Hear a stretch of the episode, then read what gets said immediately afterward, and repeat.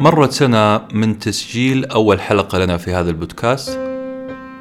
الآن وصل عدد أصدقائنا في تويتر إلى 12000 وعلى SoundCloud تعدى 2500 قدمنا 30 حلقة ما بين كتب ومقالات. أمتعنا أصدقائنا بتعليقاتهم وإضافاتهم على وشك أن ننجز قناة يوتيوب وتدشين موقع رسمي للبودكاست. ولا زالت أدراجنا مليانة ملخصات واقتراحات لكتب إنجليزية تستحق التعريف. قناعتنا كما هي. الاستثمار في القراءة له عوائد ضخمة. كل Paper Sandwich وأنتم بخير.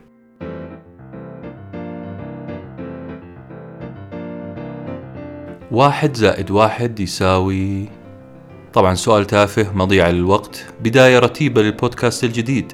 معكم حق. لأنه إجابة سؤال زي هذا ما تحتاج تفكير ولا تشغيل مخ.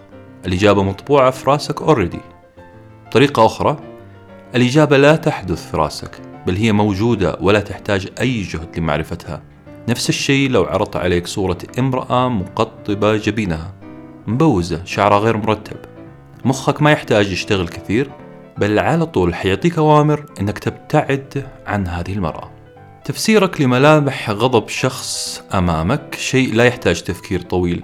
أنت فطريا وغريزيا من أول انطباع حتحط ذيلك في أسنانك وتبعد عن هذا الشخص الغاضب.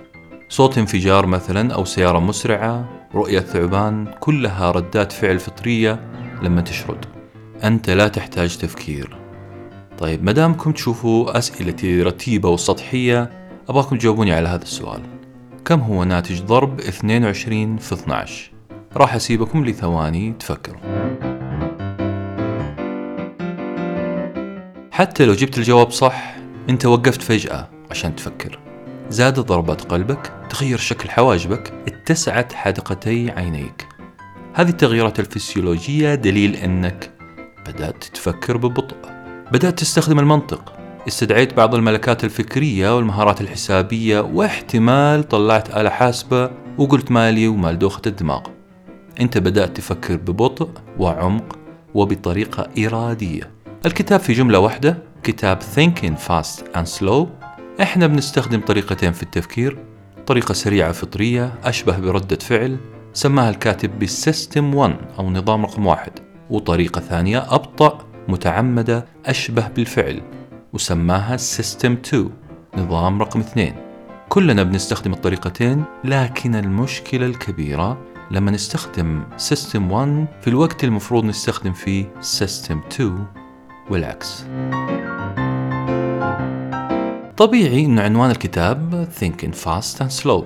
الغير طبيعي أنك وأنت تقرأه حتجده يتكلم عن كل علم علم النفس الاجتماع الفلسفة التسويق الإدارة. رغم هذه الشمولية إلا أنه كتب على شكل وجبات خفيفة من 500 صفحة. كثير ال 500 صفحة لكن أنت حتطلع من الكتاب بفكرة رئيسية وهي أنه ثقتنا في عقلنا الفطري السريع مبالغة جدا.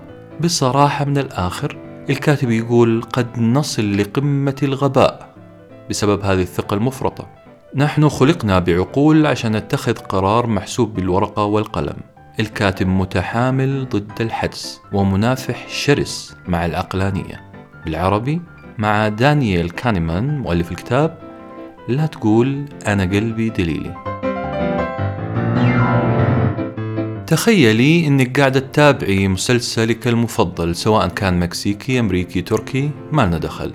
وإنت في قمة الانسجام إلا أن زوجك بدأ يمارس هوايته اليومية بدأ يمارس رياضة المشي فوق السير. وجود أجهزة رياضية في الصالة يساعد الإنسان يخش جو مع التمرين وينسى التعب. إلا أن صوت السير في الصالة حيزعجك ويخرجك من mood المسلسل. إذا تبغي الحل فالحل عندي. بدون ما تصارحيه بحقيقة شعورك ارمي له لغز أو مسألة حسابية. لا إراديا. حتلاحظي أنه خطواته بدأت تبطأ شيئا فشيئا وعلامات الإرهاق بدأت تظهر عليه. احتمال كبير يقرر إيقاف التمرين. هنا أنا ما أركز على حلول ذكية لإنقاذ الحياة الزوجية بل قاعد أشرح الطبيعة المعقدة بين نظامي التفكير عند الإنسان. نظام 1 ونظام 2 اللي حصل للزوج الرياضي هو أنه بدأ يستخدم سيستم 2 النظام رقم 2 النظام البطيء عشان يحل المسألة. اللي سويتيه في زوجك إنك خليتيه يستهلك جهد زائد في حل المسألة الحسابية. خليتيه يستخدم المنطق الحيل الرياضية المشاعر ال ال كل هذا اللي حصل اسمه تجفيف للطاقة ظاهرة تجفيف الطاقة نراها في الشوارع كل يوم. السيارة اللي تترنح وسط الشارع بسبب إنه السواق يكلم بالجوال. لما أنت تتكلم بالجوال وقاعد تسوق سيارة قد يطرح عليك المتحدث الآخر بلا مبالاة قضية تجفف طاقتك الذهنية ويخليك تستخدم system 2 العقل المنطقي التحليلي العميق. في هذه الحالة أنت حتنسى تماما system 1 الفطري. حتفقد قدرتك على تحديد المسافات وتوقع الأخطار اللي هي أشياء فطرية وحدسية. هذا هو السبب الرئيسي اللي خلى القوانين تسن ضد استخدام الجوال أثناء القيادة. حتى لو أنك استخدمت السماعات الخارجية speakers المشكلة مو أنك ماسك السماعة بيد وتسوق بيد. المشكلة أنك تسوق بواحد في المية من إمكانياتك العقلية الفطرية. أنت جالس في مطعم وجاتك كلمة إنجليزية في المنيو ناقصة كلمة. الكلمة هي S O فراغ P مرة ثانية الكلمة S O فراغ P هذه الكلمة جاتك في المنيو. لا إراديا ذهنك حيقرر إنه الحرف الناقص هو ال U عشان تصير الكلمة soup أو شوربة.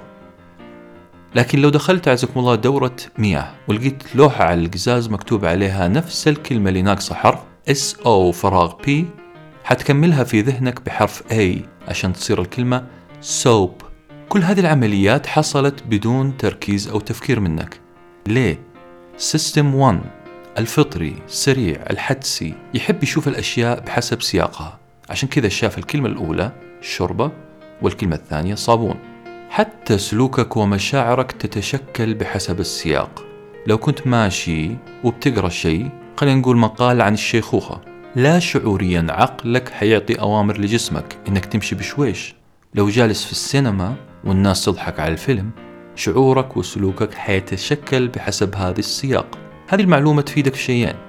لا تثق في سواقة شخص يكلم بالجوال واختر رفقتك بعناية. إن خيرا فوضعك خير إن شاء الله وإن نكد فالله يعوضك على مشاعرك وآتيتيودك في الحياة.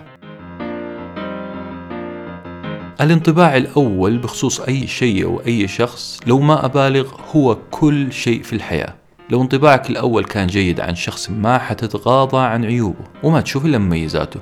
بطريقة أخرى لو حبيت شخص من أول نظرة حتحط فرضية إنه يستاهل انحب وتحاول في كل خطوة من خطوات حياتك أن تثبت صحة هذه الفرضية. راح تحاول تثبت أنه أهل لهذه المحبة وجدير بالثقة. أما لو كرهت شخص من أول وهلة فأنت حتسمع وتشوف وتشم وتلمس وتتذوق كل شيء سيء بخصوصه. كل هذا بسبب system 1 والانطباع الأول.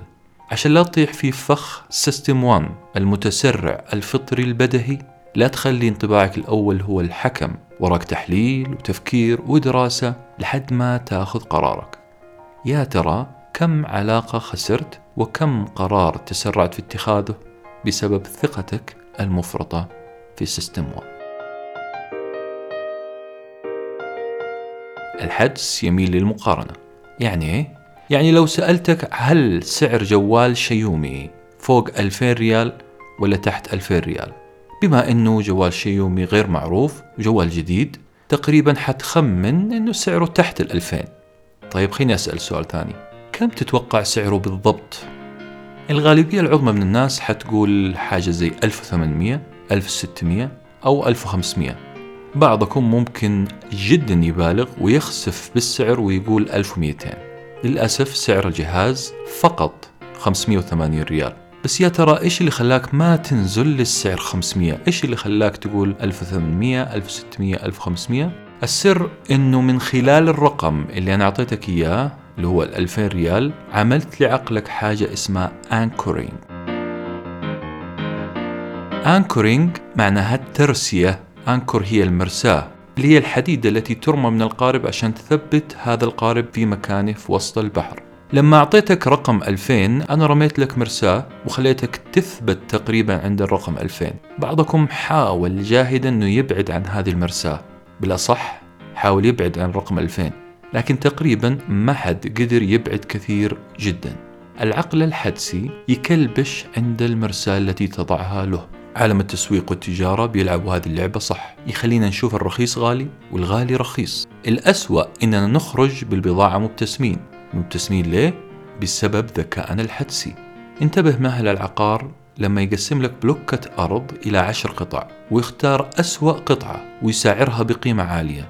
لا شعوريا حتشوف أنه أسعار التسع الأراضي الأخرى رخيصة جدا مقارنة بسعر أسوأ أرض. هذا العقار الداهية خلاك تعيد معايير الغلاء والرخص. كله بسبب إيش؟ بسبب سيستم 1 المتسرع والواثق من قدرته الحدسية. للأسف نحن نصنع عالمنا وبالأخص مخاوفنا مما نشاهده في الشاشة أو نقرأ عنه في الجرائد أو نسمعه في المجالس. لما تعطي إذنك وبصرك وحواسك لكل من هب ودب حيشكلوا حقيقة عالمك. العقل الحدسي المتسرع يميل لتعظيم المخاوف يمكن لأنه هو العقل اللي ساهم في بقاء الجنس البشري على قيد الحياة بحسب بعض المنظرين هو اللي خلى أجداد أجداد أجدادنا يركضون من الحيوانات المفترسة ويهرعون إلى الكهوف كمخبأ خليني أعطيك مثال إحنا نخاف من الطيارة أكثر من السيارة رغم أنه حوادث السيارة أكثر بأضعاف مضاعفة خليني أسأل سؤال كيف هي حياتك؟ طفشان؟ مكتئب؟ طبيعي طالما أنت عايش وسط كمية الأخبار المحبطة واللي خلت الحقيقة الوحيدة في الحياة إن هذه الحياة خطر في خطر. بسبب العالم الوهمي اللي تقبله سيستم 1 واللي صور لك الحياة على أنها مجموعة أخطار وكآبة لم تعد تسمع تلك الطيور المغردة خارج نافذتك واللي تغرد بالحياة والحرية في العالم الحقيقي. لو معايا عملة معدنية وسألتك تتوقع صورة ولا كتابة؟ وقلت لك لو كسبت راح أعطيك ألف ريال ولو خسرت راح أخذ منك ألف ريال. نسبة كبيرة جدا جدا إنك حترفض لكن لو قلت لك راح أعطيك ألفين ريال وأخذ منك ألف ريال احتمال إنك تبدأ تفكر في هذا العرض وتقبل المسابقة. اللي حصل إنه عقلك الحدسي يخاف من الخسارة أكثر من حبه للمكسب. هذا هو العقل الفطري الحدسي المتسرع الذي يميل لحماية جسدك ومالك وكل متعلقاتك من الخسارة. يخاف من الخسارة أكثر من حبه للفوائد والمكسب. على هذا الأساس لو تبغى تقنع مدخن بترك التدخين خوفه. صحيح إنك ممكن تستخدم طرق أخرى كالترغيب تقول له تنفسك حيتحسن رائحتك حتكون أحسن حتوفر فلوسك لكن خسارة رئتيه والبلاوي اللي تيجي من التدخين أجدر بأن تذكر. لو اعتبرنا أننا نبغى نتعامل بطريقة العصا والجزرة فكر في استخدام العصا أكثر لأنه العقل البدهي اللي منحناه ثقتنا هو اللي بيستخدمه معظم الناس. إحنا نحب نتفلسف كثير لأننا بشر والشبكة العصبية الدقيقة اللي داخل جمجمتنا تجبرنا على الفلسفة ليل نهار. المشكلة فلسفتنا تحلى لما إنسان يقع في مشكلة. حنقول له عبارات زي أنا ما قلت لك أنا ما حذرتك وعبارات سخرية وشماتة نتداولها عن واحد خسر في تجارته أو فشل في مشروعه. عبارات زي لو عمل كذا كان ما حصل اللي حصل. أو جملة أنا ما أدري كيف كنت تفكر وقتها. الحقيقة أن اللي فشل وخسر وطاح في مشكلة غالبا كان قراره في تلك اللحظة. هو القرار الأنسب. الناس بالسيستم 1 العقل المتسرع. تحب تحذر من المصيبة بعد حصولها. وكأنهم كانوا عارفين العواقب من بدري. أعتقد أن اليوم رايح راح أحاول أريح أبنائي من عبارة أنا ما أدري كيف تفكر. لأنهم ببساطة وقت قرروا أكيد كان القرار هو الأنسب. لذلك خلونا نوجه خلايانا العصبية للتفكير في جودة القرار قبل اتخاذه مو بعد. وأخيرا احسب معايا.